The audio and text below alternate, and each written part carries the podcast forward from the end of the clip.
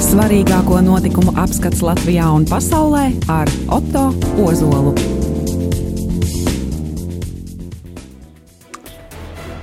Labdien, cienījamie radiokamā arī klausītāji! Ar kārtējo mēnešu svarīgāko notikumu apskatu studijā atkal esmu es, Oto Ozols. Atgādinu, ka esmu radiokamā arī Viļņos katru mēnešu pirmajā pirmdienā, 2005. pēcpusdienā. Nākošās stundas laikā centīšos apskatīt daļu no mūsu prāta ievērības cienīgajiem notikumiem novembra mēnesī Latvijā un pasaulē. Tāds kā atskats uz aizvadīto mēnesi. Šoreiz sāksim ar traģiskiem notikumiem, kur notika pirms daudziem, daudziem gadiem, bet mēs tos pieminam tieši novembrī. Tos mēs atceramies īpaši, jo tas ir kaut kas tāds, ko nedrīkst aizmirst. Par to vairāk raidījuma pirmajā daļā.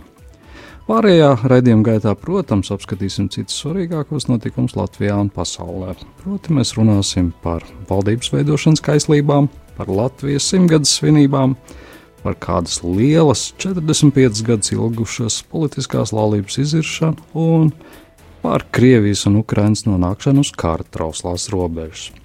Par šiem un citiem svarīgākiem novembra notikumiem Latvijā un pasaulē visu nākošo stundu radījumā arī studijā būšu es, Oto Ozols.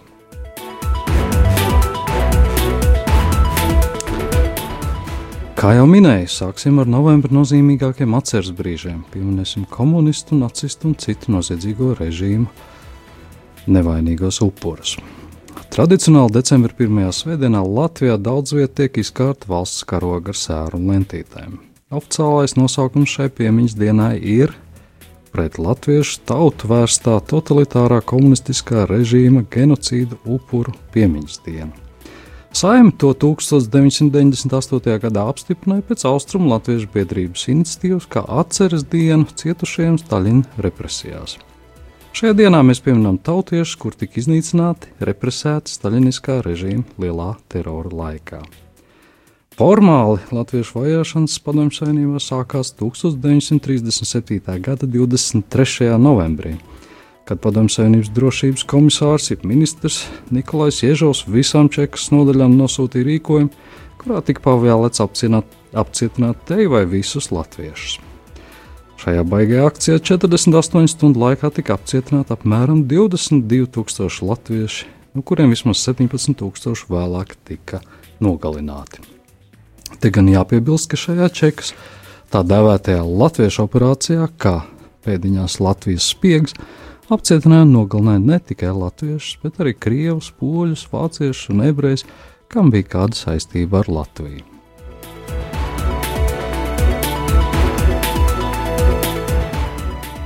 Līdzīgu, bet līdz pat šai dienai traģiski neaptveram mēroga katastrofa pāris gadus iepriekš, 1932. un 1933. gadā piedzīvoja Ukrāņu tauta. Šogad, tieši novembrī, pasaulē tika pieminēta tā saucamā Golodomora 85. gada diena. Eiropas Savienības un citu valstu oficiālajos dokumentos ir teikts, Golodomors bija mākslīgi izraisīts bats Ukrainā 1932. un 1933. gadā šausminošs noziegums pret Ukraiņas tautu un cilvēci. To cīniski un nežēlīgi plānoja Staļina režīms, lai piespiestu Ukraiņas laukiedzīvotājus pret savu gribu atbalstīt padomju sēnības īstenoto lauksaimniecības kolektivizācijas politiku. Tā teikts vēsturnieku sagatavotajās dokumentos un liecībās. Citi vēsturnieki uzskata, ka tas bija arī mēģinājums iznīcināt Ukrāņu neatkarības kustības un centienus. 1932. un 1933. gadā padomju režīms ne tikai konfiscēja cilvēkiem visas pārtikas krājumus, bet arī radīja apstākļus, lai atņemtu zemniekiem zelta, sudrabu un citas svētas lietas. Bats atstāja arī citas traģiskas sekas. Cilvēks saslima ar infekcijas slimībām un dažādu veidu psihiskiem traucējumiem. Bija kanibālisms, tas ir līķēšanas gadījumi, pastāvīgi badā novājinātās sievietes kļuva neauglīgas. Pieaugušo mirstības dēļ ciemos un pilsētās klāņā izsalkuši un izmocīti bērni. Varas iestādes tos vāca un nodeva padomju audzināšanas iestādēs, kur viņi zaudēja savu identitāti, uzvārdu un piedarību dzimtajā vietā. 1933. gada beigās pakāpeniski tika samazināts pārspīlētās labības nodošanas plāns, tomēr iedzīvotāju skaits Ukrainā bija ievērojami samazinājies. Pēc dažādām aplēsēm mākslīgi uzturētais bats ko mēs šobrīd devējam par Golodomoru, Holodomoru, nomērdēja no 3 līdz pat 10 miljoniem Ukraiņas iedzīvotāju. Bez Ukrainas bats skāra arī Krievijas dienvidu apgabals un daļu pašreizējās Moldovas un Kazahstānas teritorijas.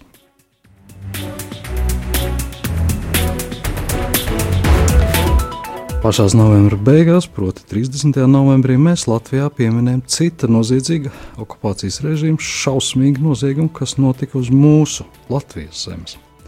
30. novembrī Rumblā un pie brīvības pieminiekļa daudzi simti cilvēku pieminēs 77. gadsimtu kopš Rumbulas traģēdijas.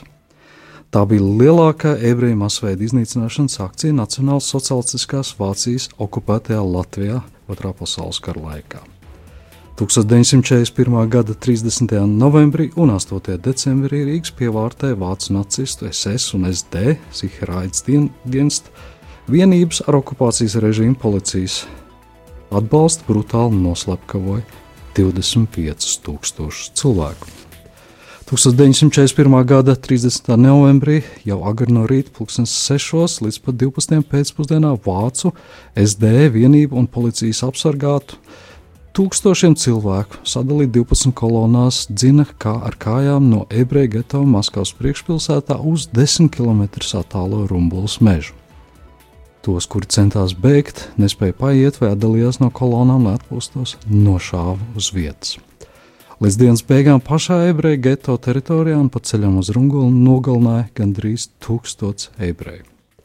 Pārējos metodiski noslepkavoja Rumbulas mežā. Tur ebrejiem lika izģērbties līdz apakšveļai, bet daļai sieviešu pavisam kailām. Dodoties pēdējā gaitā, daļa nāvē nolēmto skaitīja lūkšanas, citi vaimanēja un raudāja. Daudzi centās saglabāt pašcieņu. Ģimenes gāja sadaušās rokās, mātes ciešas, turot klāt savus bērnus. Upuriem lika nogulties ar seju uz leju virsū jau nogalinātiem un mirstošiem, kur vēl kustējās asinīs. Nelaimīgos vienlaicīgi trīs bedrēs, mainoties slepkavai 12 vācu nacistu drošības dienesta vīru, jeb SD vīru slepkavu komandu. Vēlāk pēcpusdienā šo slepkavu brigādu vēl pastiprināja ar 20 vīriem no otrās operatīvās komandas, kura bija speciāli atvesta no Ukrainas, kur tieši tāpat slepkavoja cilvēkus. Ar padomju mašīnu pistolēm, kas bija iestatīts atsevišķiem šāvieniem, slepkavs nogalināja ebrejus no 2 metru attāluma ar lodi pakausīm. Šajā dienā Rumblā noslapkavoja ap 13,000 cilvēku. Slepkavošana beidzās līdz ar tumsu, kad nošāva viegli ievainotos, kuri atgūstot samaņu centās izrāpties no bedrēm. Simtiem nosmaka zem līdz cilvēku miesas smagumu. 1941. gada 8. decembrī Rumblā iznīcināja pārējos vēl dzīvos aptuveni 12,000 Rīgas ebreju, Rīgas geto ebreju. Akcija notika pēc tā paša scenārija, tikai sistēma bija kļuvusi nedaudz stingrāka, bet ebreji paklausīgāki, jo domāja, ka zvērības vairs nevar atkārtoties. Kopumā 1941. gada 30. novembrī un 8. decembrī Rīgā, Latvijā, tika nogalināti apmēram 25,000 nevainīgi, neaizsargāti mūsu līdzpilsoņu līdzcilvēku. Pagājušajā piekdienā Rīgā daudz pulcējās, lai godinātu un pieminētu viņus. Pie brīvības pieminiekļa tika aizdegts simtiem sveču viņa piemiņai.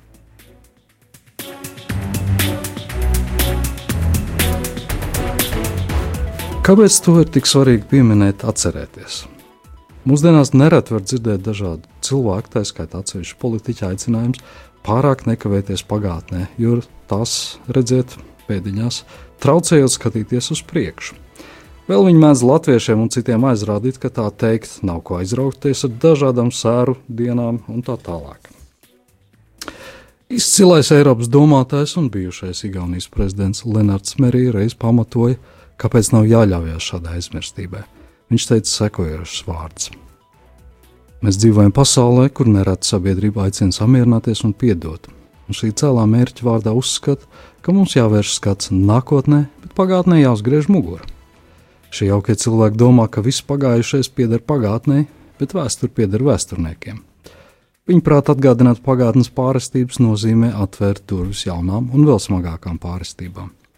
Viņa prāt pat ar vislabāko gribu neiespējams izvilkt dienas gaismā un noskaidrot visu pagātnē paslēpto. Viņa uzskata, ka pietikt formulēt stingrus morāls principus un nepētīt darbus un notikumus, kas pārkāpuši šos principus. Viņi aicina iet pāri laipai ar aizsētām acīm. Tāreiz norādīja bijušais Igaunijas prezidents Lenārds Merī par cilvēkiem, kuri vēlās, lai mēs neatceramies vēstures traģiskās lapas puses. Doma ir skaidra. Mums ir jāsaprot, kāds prātam neatverams, neaptverams ļaunums var izraisīt jebkurš totalitārs režīms ar cilvēks nīstošām ideoloģijām. Tādi bija arī šie bezdevīgie komunistu un nacistu režīmi. Tāpēc atļaujiet man pieminot ebreju, ukraiņu, latviešu un citu tautu nevainīgos upurus, kurus zvērīgi un masveidīgi noslapkoja nacistu un komunistu režīmu teikt īslūkšanu.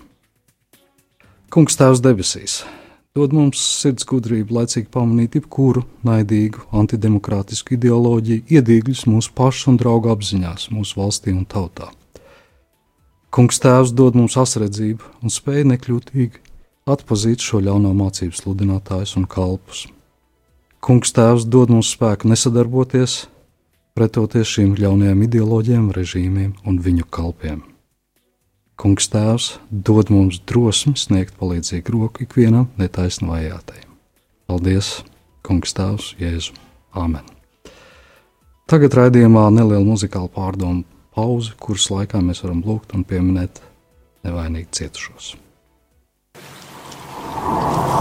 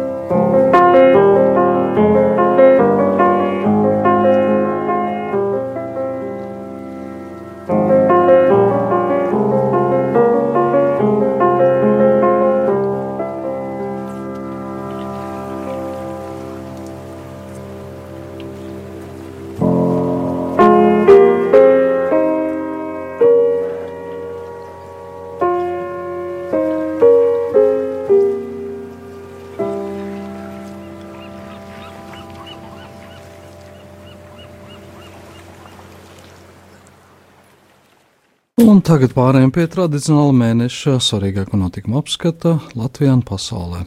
Kā jau teicu, studijās mēs Oto Ozols.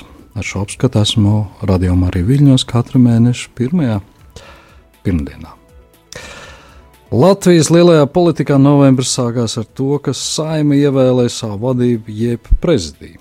6. novembrī par saimnes priekšsēdētāju atkārtoti tika ievēlēta Nacionālās apvienības deputāte Ināra Mūrniece. Par saimnes priekšsēdētāju biedriem tika deputāti ievēlēja Dagmāru Beitneri Legalu no jaunās konservatīvās partijas un Ines Lībiņa Egneri no partiju apvienības Jaunā vienotība.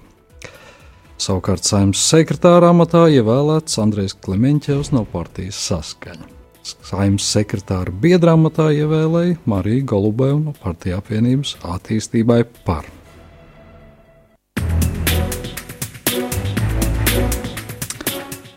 Kā Latvijai pēc oktobrī notikušajām saimnes vēlēšanām ir veicies ar nākošās valdības izveidošanu? Novembra pirmajā nedēļā, tas ir mēnesis pēc saimnes vēlēšanām, valsts prezidents Raimons Vējons pēc tikšanās ar partiju pārstāvjiem nolēma uzticēt jaunās valdīs, valdības veidošanu jaunai konservatīvai partijai un tās amatam, premjera amatam nominētajam Jānim Bordānam, kurš ir arī šīs partijas vadītājs. Vējons deva viņam laiku valdības izveidošanai līdz 21. novembrim bet jau 14. novembrī Bordēns atzina, ka neredz iespējas izveidot valdību un saņemt saimnes vairākumu atbalstu. Tas notika pēc tam, kad apvienība attīstībai pār un Nacionālā apvienība izstājās no valdības veidošanas sarunām. Vēlāk viņam sekoja arī partija vienotība. Bordāns skaidroja, ka vairākas tādā veidā ekonomiskās struktūras ir sapratušas, ka nespēj sadarboties ar jauno konservatīvo partiju, tāpēc viņa prātā sarunu process tika torpedēts. Gan Nacionāla apvienība, gan attīstībai pāresot uzsvēruši, ka negrib, lai jaunās konservatīvās partijas pārziņā nonāk iekšlietu ministrija. Bordāns pauda aizdomas, ka šie politiskie spēki jau no paša sākuma nesot vēlējušies, lai JKP premjera amata kandidāta vadībā valdība taptu. Attīstībai par līderis Daniels Pavļots žurnālistiem atgādināja, ka Bordāna topošās valdības deklarācijā bija virkne apņemšanās, ko nevarot izpildīt. Apsverot visus par un pret, attīstībai pār nolēmus nepiedalīties šajās sarunās. Nacionālās apvienības vadītājs Raivs Dzintars norādīja, deklarācijā ir ierakstīts, jaunās part, konservatīvās partijas ļoti dārgie priekšvēlēšanas solījumi, tā viņš uzsvēra. Līdz ar to ir ārkārtīgi grūti paļauties uz šo kā uz dokumentu, kam nevar uzticēties, lai virzītos uz priekšu. Temps nav adekvāts un ir ļoti daudz hausa šajā procesā, tā atzina Nacionālās apvienības līderis. Pirms tam JKP publicēja Bordāna veidotā ministra kabineta darba plānu, kas paredz, ka tuvāko divu gadu laikā neapliekamais minimums sasniegs 500 eiro mēnesī un minimālā pensija būs 200 eiro mēnesī.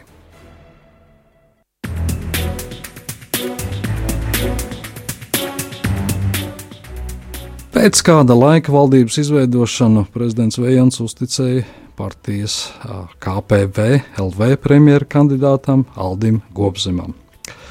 Pirms un vēlāk notikušais ir pretrunīgs. 26. novembrī atgādina attīstībai pār vadītājs un līdzpriekšsēdētājs Daniels Pavļots kopā ar KPLV pārstāvjiem informē sabiedrību, ka lūguši valsts prezidentu Raimonu Vējonu nominēt premjeru amatam vienu no abu partiju kandidātiem, proti, Arti Pabriku vai Aldi Gobzemu. Kā jau minēju, prezidents uzticēja šo uzdevumu Gobzemam. Tomēr pēc kāda laika attīstībai par premjeru kandidāts Pabriks kritizē valsts prezidenta lēmumu par uh, premjeru amat, premjeru amatam nominēt Aldi Gobzemu. Pabriks teica, tā informācija, kas ir manā rīcībā, rāda, ka gan man, gan valsts prezidentam ir ļoti liels pamats uzskatīt, ka Aldim Kopzemam nebūs nacionālās drošības pielaides, vai jebkurā gadījumā nebūs tuvākajā laikā. Un, ja tā notiek, šāda valdība nevar pastāvēt. Ar šādu paziņojumu Pabriks nāca klajā precīzu nedēļu pēc tam, kad paši bija aicinājuši prezidentu nominēt Pabriku vai Kopzemi. Kur tajā brīdī bija Pabriks ar savām aizdomām, neviens vēl nav noskaidrojis.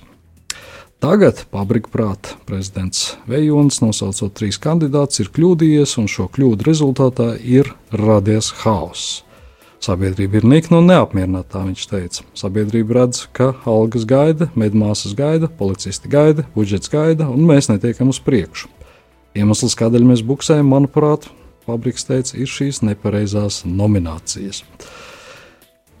Fabriks apgalvoja, ka gadījumā, ja nominēts būtu viņš, valdību izdotos izveidot raiti. Bet nu, tad nav saprotams, kāpēc nedēļu iepriekš viņš piedāvāja uh, Vējonim nominēt vai nu Gobzemi, vai nu Fabriku. Tad būtu uzreiz teikuši, ka uh, Gobzems nedara un lai nominē Fabriku.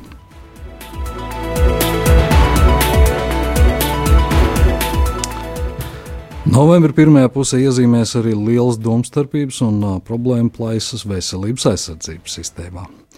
Neatliekamās medicīniskās palīdzības dienesti, jeb tā dēvētās ātrās palīdzības darbinieki 13. novembrī tiekoties ar veselības ministru Andu Čakšu no ZZS, izteica sašutumu par zemu atalgojumu, drošības apdraudējumiem, kā arī neatliekamais aprūpes mediķu profesijas nākotni kopumā.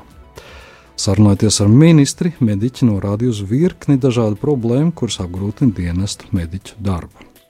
Brīžiem diskusija starp Čakšu veselības ministrijas valsts sekretāru pienākumu izpildītāju Dainu Mūrmanu un Braškā un darbiniekiem norisinājās augstos toņos, tā ziņo mediji. Saruna sākās ar mediķu sašutumu par ministrs nosaukto ārsta palīgu vidēju atalgojumu, kas šogad sasniedz 1003 eiro pirms nodokļu nomaksas. Mediķi norādīja, ka šādā, ka šāda atalgojuma savā algas lapiņā neredzot. Tomēr ministra piebilda, ka tā ir vidēja alga, vieni saņem mazāk, bet citi vairāk.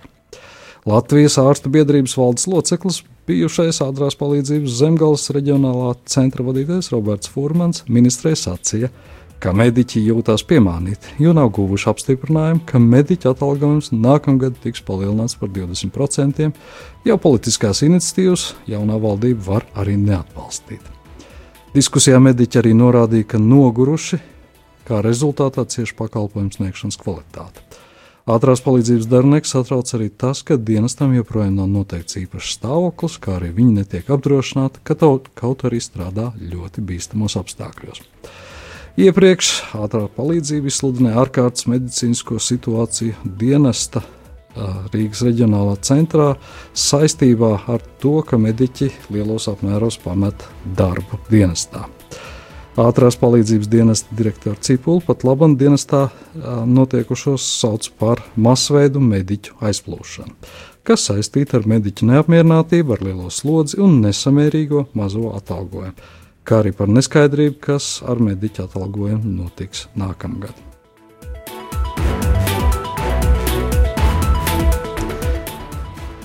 Tagad pievērsīsimies kādam ļoti īpašam notikumam mūsu valstī. Notikumam, kuru vislielākā daļa no mums piedzīvos reizi mūžā - valsts simtgadus.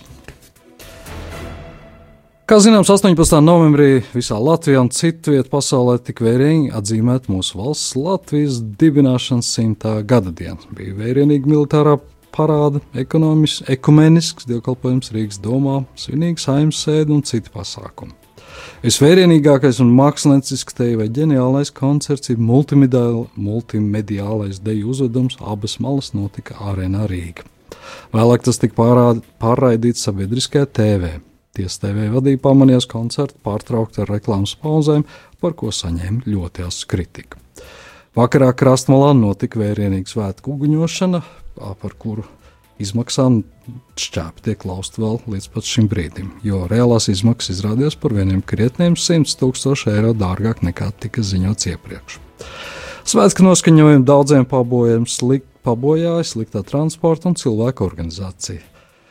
Cilvēku plūsmas organizācija. Daudz raksturoja savu pieredzi krastmalā kā baisu pieredzi ar pūli, kas tevi nes.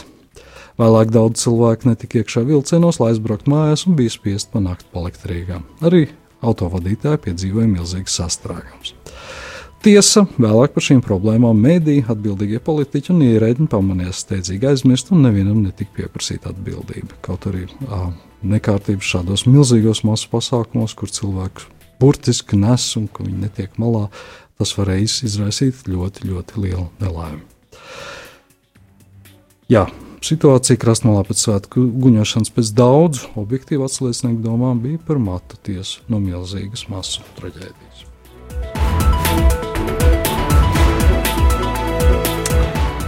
Gan drīz uzreiz pēc svētkiem, 19. novembrī, uzzinājām, ka te pusotru mēnesi pēc ievēlēšanas deputātiem ir izdevies izveidot saimas komisijas. Jāatgādina, ka Latvija, Latvijā, kā parlamentārā republikā, saimā Mūsu parlamentā komisiju vadītājiem ir gana liela politiskā ietekme un teikšana. Politikas zinātājs par politehnologu veterānu devētais Mārcis Bendiks nesen rakstīja sekojošo. Ikdienas darbs ar likumprojektiem un citādām lietām notiek saimnes komisijās, kurās attiecīgie dokumenti tiek veitīti un pilnveidoti. Līdzīgi kā kakls groz galvu, arī attiecīgā saimnes komisija var izskatāmo dokumentu gan piebremzēt, gan pastumt, gan tā iekantēt, ka saimnes plenārsēdē jau grūti kaut ko mainīt. Komisiju vadītājiem ir reāli ir milzīga ietekme, un ietekme politikā ir galvenā valūta. Tā rakstīja politehnologu veterāns Mārcis Bendiks. Tātad, kādas ir šīs saimnes komisijas un kas tās vadīs? Attīstībai par pārziņā būs budžeta un finanšu nodokļu komisija. To vadīs bijušais Kraibankas vadītājs Mārtiņš Bondars. Sociālo un darba lietu komisiju vadīs Andris Skrīde, mediķis, kā arī Eiropas lietu komisija vadīs Vitānda Tēraude. Visi pieminētie no attīstībai par. Jaunās konservatīvas partijas atbildībā būs juridiskā komisija, kur vadīs Jānis Bordāns, par ko daži Vairāk juristi izsakās kā ļoti lietpratīga juridisko lietu speciālistu. Kā arī aizsardzības, iekšlietu un korupcijas novēršana komisija vadīs šīs pašas partijas IKP biedrs. Un, un priekšsēdētājai šai komisijai būs Juris Jurašs, bijušais knapa darbinieks. KPLV pārziņā būs cilvēku tiesību un sabiedrisko lietu komisija, pieprasījuma komisija, kā arī publisko izdevumu un revīziju komisija, kuras vadīs attiecīgi Artus Kaimiņš, Linda Liepiņa un Kaspars Girķens. Zaļo un zemnieku savienība pāraudzīs tautsēniecības, agrārās vides un reģionālās politikas komisiju, ko vadīs atkal attiecīgi Jānis Dūklaus, kā arī Nacionālās drošības komisija, kuru vadīs pašreizējais premjerministrs, tehniskais premjerministrs, ja tā var teikt, Māris Kučinskis. Jaunās vienotības pārziņā būs uh, izglītības, kultūras un zinātnes komisija ar Arvilu Ašerādenu priekšgalā un pilsonības, migrācijas un sabiedrības saliedētības komisiju, kuru vadīs Andrejs Judins. Nacionālā apvienība visai Latvijai, Tēzumai un Brīvībai būs atbildīga par ārlietu komisijas vadību, ko vadīs Rihards Kols, kā arī mandātu, ētikas un iesniegumu komisiju, kuru vadīs Janīna Kursīta Pakula. Tikmēr saskaņas pāraudzībā būs valsts pārvaldes un pašvaldību komisija, kā arī ilgspējīgas attīstības komisija, ko vadīs attiecīgi Sergejs Dolgopolovs, un šo ilgspējīgās attīstības komisiju vadīs Vjačeslavs Dombrovskis.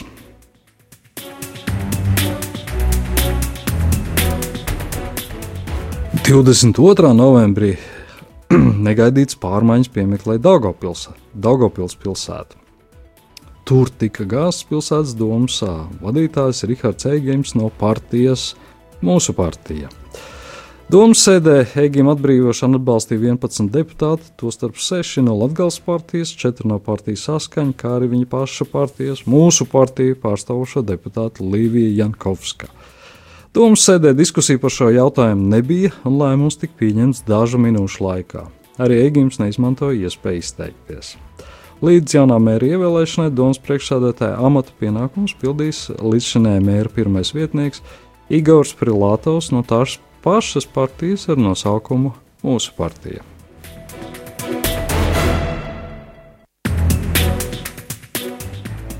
Tieši tajā pašā laikā pilsētas vadības maiņa notika arī citā pilsētā, Liepājā. Tomēr tā bija gaidīta, plānota un savstarpēji saskaņota, un arī vēsturiski.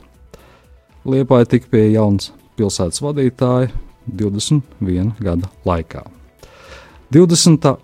novembrī Liepājas domas ārkārtas sēdes laikā tika ievēlēts jauns domas priekšsēdētājs, deputāts no Latvijas reģiona apvienības, bijušais akcijas sabiedrības Liepājas papīrs valdes priekšsēdētājs Jānis Vilnīts. Līdzinējais Liepājas domas vadītājs Ulris Sasks no Liepājas partijas kļuva par domas priekšsēdētāju vietnieku strateģiskās plānošanas jautājumos. Latvijas sabiedriskais mēdījis LSM atgādināja, ka autosportistu un uzņēmēju Ildu Sasku Liepājas domas priekšsēdētāja amatā ievēlēja tālākajā 1997. gadā. Tas bija laiks, kad pilsētā naudas trūkuma dēļ ziemā netika tīrīts ielas, bet ostā bija jātiek galā ar Krievijas atstāto mantojumu. Tātad Sasks Liepājas domu vadīja kopš pagājušā gadsimta, kopumā 21 gadu.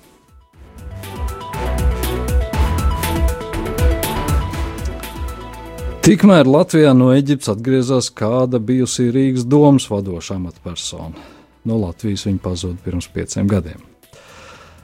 Valsts policijas amatpersonas 30. novembrī lidostā Rīga apcietināja par kukuļņemšanā. Par kukuļņemšanu aizdomās turēto bijušo Rīgas domas amatpersonu Āriju Stabiņu. Tur viņi tika atvesta no Eģiptes, kur viņi bija aizturējuši vietējie policisti. Stabiņu bija izsludināts starptautiskajā meklēšanā. Tomēr Latvijas policijas pārstāvi norāda, ka viņa esot aizturēta kādu citu iemeslu dēļ, vienkārši trāpījusies pa roku. Rokai Eģiptes policistiem kādā citā saistībā. Tālāk 2012. gada septembrī Knaba paziņoja, ka toreiz tika sākts krimināla process saistībā ar iespējamu Rīgas domas amatpersonu kukuļošanu. Šajā krimināla procesā tika veikts 14 kratīšanas un aizturēts vairākas personas. Tostarp minētā toreizējā dzīvokļu pārvaldes priekšniece Stabiņa un divu pārvaldes darbinieki. Knāps stabiņu turēja aizdomās par ilgstošu kukuļņemšanu apmaiņā pret pašvaldības dzīvokļu rindas ietekmēšanu. Kad prokuratūra nolēma viņu saukt pie krimināla atbildības, Stabiņa 2013. gadā pazuda. Un atradusies viņa tikai tagad, un ir arī atgriezusies tagad Rīgā.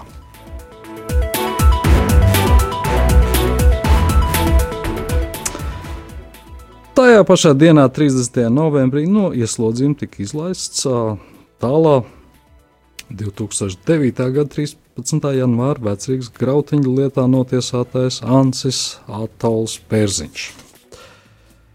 Par dalību 2009. gada 13. janvāra vecrīgas grautiņos sākotnēji Bērziņam tika piespriest nosacīt brīvības atņemšanu uz vienu gadu un astoņiem mēnešiem. Tiesa Bērziņam piesprieda arī valsts probācijas dienesta uzraudzību. Tomēr, tā kā tiesas lēmumu viņš nepildīja, neieradās probācijas dienestā, tiesa nolēma nosacīto cietumsodu aizstāt ar reālu brīvības atņemšanu. Pēc tam Bērziņš nolēma doties prom no Latvijas, kā pats raksturoja politiskajā trimdā. Bērziņš 2016. gada sākumā tika izsludināts starptautiskajā meklēšanā, bet pērnā gada pavasarī viņš tika aizturēts Čehijā un pēc tam izdots Latvijā.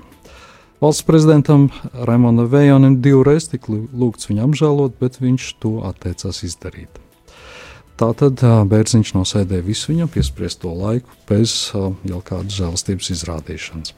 Pēc iznākšanas no cietuma Bērziņš mēdījiem paziņoja, tas, ka man ielikt cietumā, bija politiska lieta, un tā faktiski bija no manas puses sabiedriska darbošanās, kā man nācās sēdēt.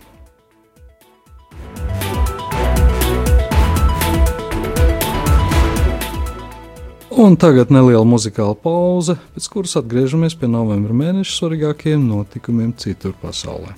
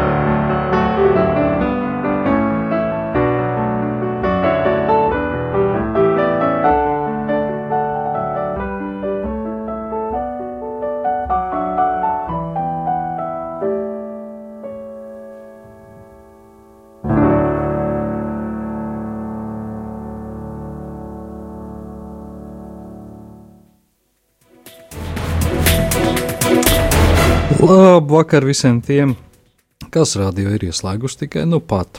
Atgādinu, jūs klausāties aizvadītā mēneša svarīgāko notikumu apskatu. Studijās mēs Auto Ozols.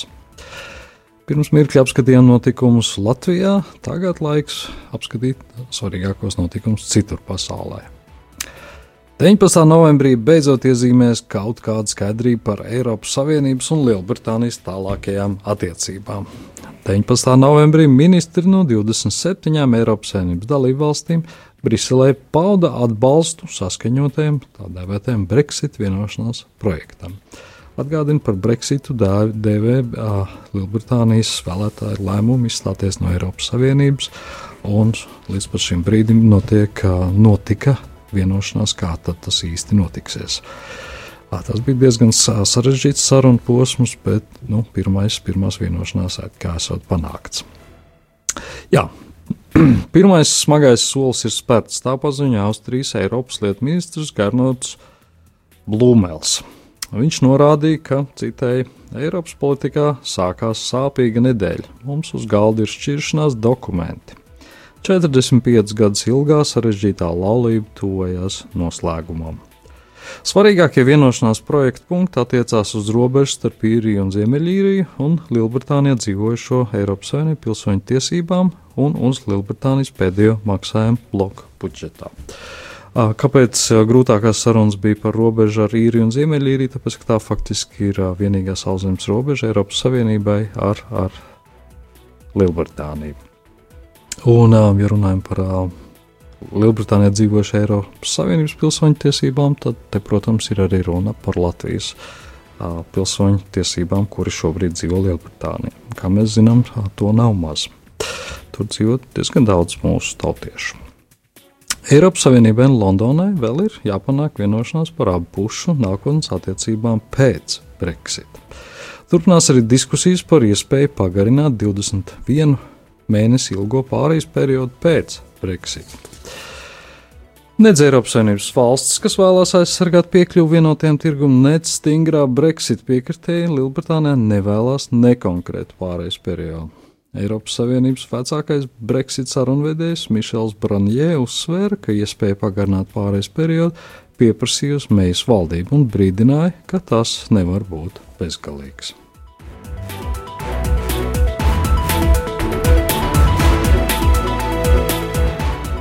Svētdien tepat netālu Ukrainā norisinājās ļoti, ļoti satraucoši notikumi. Svētdien, 25. novembrī, Ukraina apsūdzēja Krieviju, ka tās robežapsardzes kuģis taranējas Ukrainas jūras spēku valkonu, kurš līdz ar diviem bruņkuteriem no Odesas ostas Melnajā jūrā bija devies uz Mariupoles ostu Azovas jūrā cauri Kerčas šaurumam, kas atdala Krieviju no tās anektētās Krimas pussalas. Krievijas robežsardzes kuģis arī atklājis uguni, ievainojis vairākus ukraiņu jūrniekus un Krievijas pēcvienības sagrābus ukraiņu kuģus. Tā paziņoja Ukraiņas varas iestādes. Šobrīd visi ukraiņu jūrnieki atrodas cietumā Krievijā. Maskava savukārt apsūdz Ukraiņu, ka tās kuģi iebraukuši Krievijas teritoriālajos ūdeņos, Kijava to noliedz, uzsverot, ka par savu kuģu braucienu iepriekš paziņojusi saskaņā ar starptautiskiem kuģošanas drošības noteikumiem. Tomēr Krievijas robežsardzes kuģi veikuši klāja agresīvas darbības pret Ukraiņas jūras spēku kuģiem. Tā faktiski bija pirmā oficiālā militārā sadursme starp Ukrajinu un Krieviju. Pirms tam Krievija vienmēr noliedza savu bruņoto spēku iesaistīšanos sadursmēs ar Ukraiņas karavīriem. Kaut arī nevienam, tā skaitā Krievijai, tas nav nekāds noslēpums. Pēc Krievijas Krīmas nelikumīgās aneksijas Krievijas prezidents Vladimirs Putins vēlāk atzinās, ka tur piedalījās arī Krievijas karavīri. Pašreizējā konflikta pamatā ir atšķirīgs izpratnes par jūras robežām. Saskaņā ar 2003. gadā noslēgto līgumu starp Maskavu un Kijevu abu valstu kuģi var brīvi ceļot caur Kerča šaurumam Azovas jūrā. Tas gan šoreiz netraucē Krievijai paziņot, ka Ukraiņas kuģi iebraukuši Krievijas teritoriālajos ūdeņos. Šis incidents ievērojami eskalējas spriedzi Ukraiņas un Krievijas attiecībās, kuras ir saspringts kopš 2014. gada, kad Krievija okupēja Ukraiņas Krimas pussalu un sāka apbruņot separātistus Donbasā. Ukraiņas valdība paziņoja, ka virknē valsts reģionu oficiāli stājies spēkā kara stāvoklis, kas ir reakcija uz šo 25. novembra incidentu Kerčas šaurumā. Kara stāvoklis ir spēkā uz 30 dienām un 10 no pavisam 27 Ukraiņas reģioniem, visos, kas robežojas ar Krieviju, starptautiski neatzīto Piedņestru vai jūru. Kara stāvoklis dod iespēju varas iestādēm sākt daļai mobilizāciju, pastiprināt pretgaisa aizsardzību un pretizlūkošanas pasākumus, pret terorismu pasākumus, pret sabotāžu režīmu un informācijas drošību. Savukārt Krievijas prezidents Vladimirs Putins uz notikušo raugās kā uz vienkāršu incidentu. Tas taču ir robeža incidents, nekas vairāk, sacīja Putins. Pats uzdodot jautājumu, kāpēc Krievija Ukraina nav izsludinājusi karstāvokli. 2014. gadā, kad pēc Putina teiktā Krīma nolēma pievienoties Krievijai. Putins gan aizmirs uh, pieminēt, ka šī tā saucamā pievienošanās nolemšana notika Krievijas uh, militāristu automātu stobra galā. Tāpat uh, Putins izbrīnīts, ka karstāvoklis netika ievests, kad Donbasā notika smagas kaujas, izmantojot tanku, artēriju un pat aviāciju.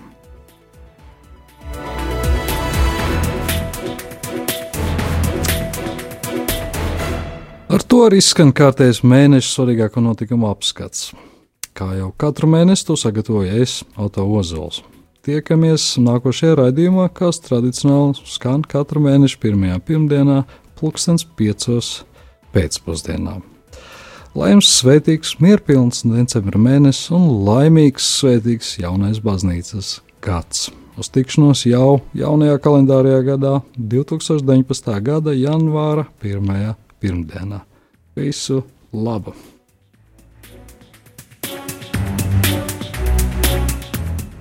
Svarīgāko notikumu apskats Latvijā un pasaulē ar Otto Ozolu.